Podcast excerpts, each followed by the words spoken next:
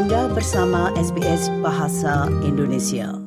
Para pendengar Indonesia kaya akan kebudayaan masa lalu terutama karena keberadaan keraton-keraton di masa lalu yang menjadi pusat kebudayaan itu sendiri. Ada banyak keraton di Indonesia yang populer misalnya Keraton Yogyakarta, Keraton Solo atau Keraton Surakarta, Cirebon, Keraton Ternate, Tidore, dan ada banyak lagi yang kurang dikenal karena statusnya yang tidak jelas sampai saat ini. Untuk setidaknya mengingat peran mereka, saya berbincang dengan Dr. Purwadi, pakar kebudayaan Jawa sekaligus dosen di program studi Bahasa Jawa dan Kebudayaan di Universitas Negeri Yogyakarta. Dr. Purwadi akan membincangkan dengan saya tentang bagaimana peran dari keraton-keraton di masa lalu dan kita mengambil contoh keraton Surakarta atau keraton Solo yang masih bertahan sampai saat ini. Dan tentu saja kasus yang terjadi di keraton Solo adalah juga gambaran dari secara umum bagaimana kondisi atau peran keraton-keraton sebagai pusat kebudayaan Indonesia di masa kini.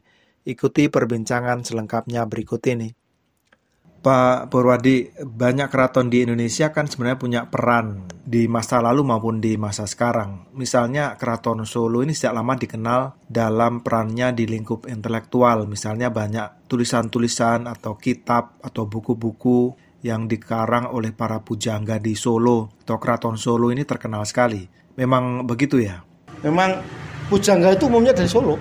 Kehidupan tulis jurnalistik itu di Solo abad 19 sudah ada. Retno Dumilah majalah bulanan sudah ada. Sudah terbit. Jadi literasi sudah lama. Di Asia Tenggara terbesar Solo. Literasi baik yang pop maupun yang tradisional itu Solo. Orang hayati namanya Beranto Mongso produk-produk pertanian. Misalnya jenis-jenis makanan itu di serat ini disebut ada 365 produk agraris pertanian itu. 365 makanan itu ditulis rinci.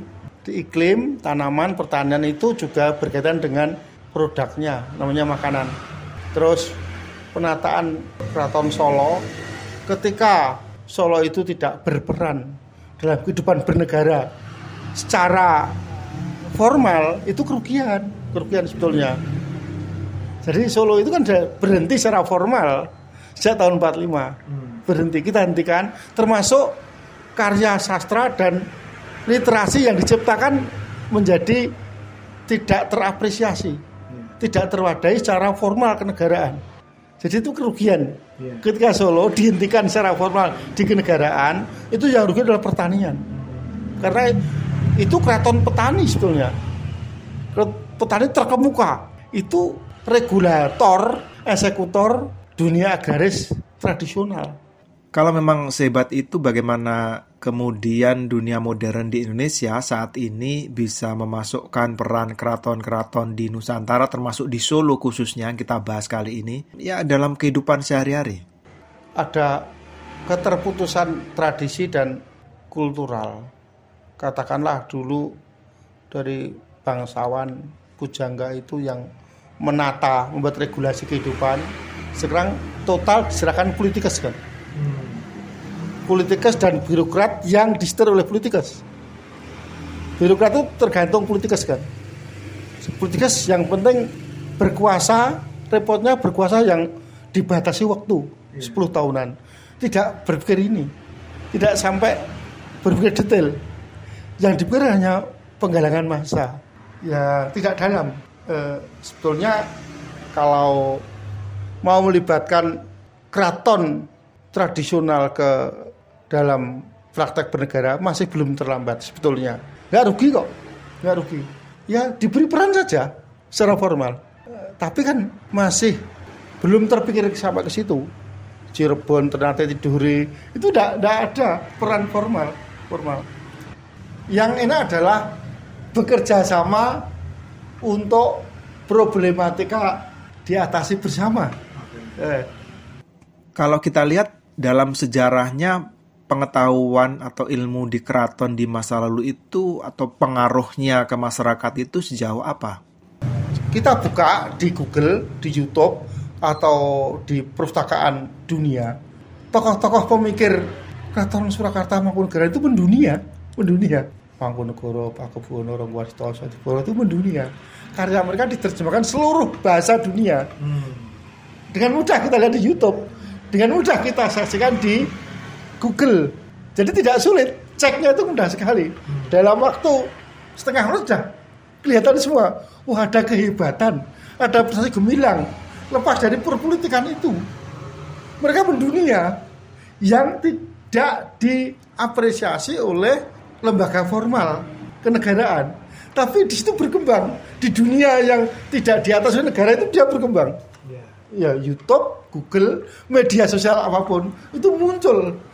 Nah, kalau saat ini di dunia modern sekarang ini di Indonesia khususnya, lalu pengaruhnya seperti apa, Pak Purwadi? Pengaruh dalam arti formal eksekutif itu tidak ada. Tetapi dalam praktek sehari-hari hampir semua epigon dan peniru Solo. Eh, Terus sadari ini Solo, dia praktek Solo. Baik dalam upacara, nyadran, usaha tradisional pertanian, wiwit, keleman, bubak bumi, sampai pernikahan, semua ngiblat ke Solo. Pakaian, busana, itu dengan mudah Solo, Wah, Solo. Bukan Solo Raya, bahkan sampai Jawa Timur, bahkan Sulawesi Kalimantan dengan mudah kita buka.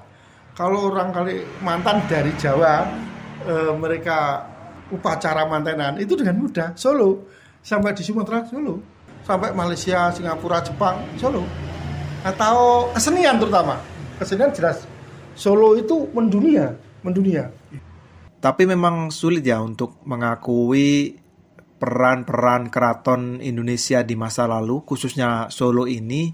Seperti misalnya kalau kita lihat di Inggris atau di Malaysia, di mana raja atau keraton itu masih punya pengaruh dalam kehidupan kenegaraan begitu, kehidupan masyarakat berbangsa dan bernegara begitu. Kalau kita sulit ya begitu.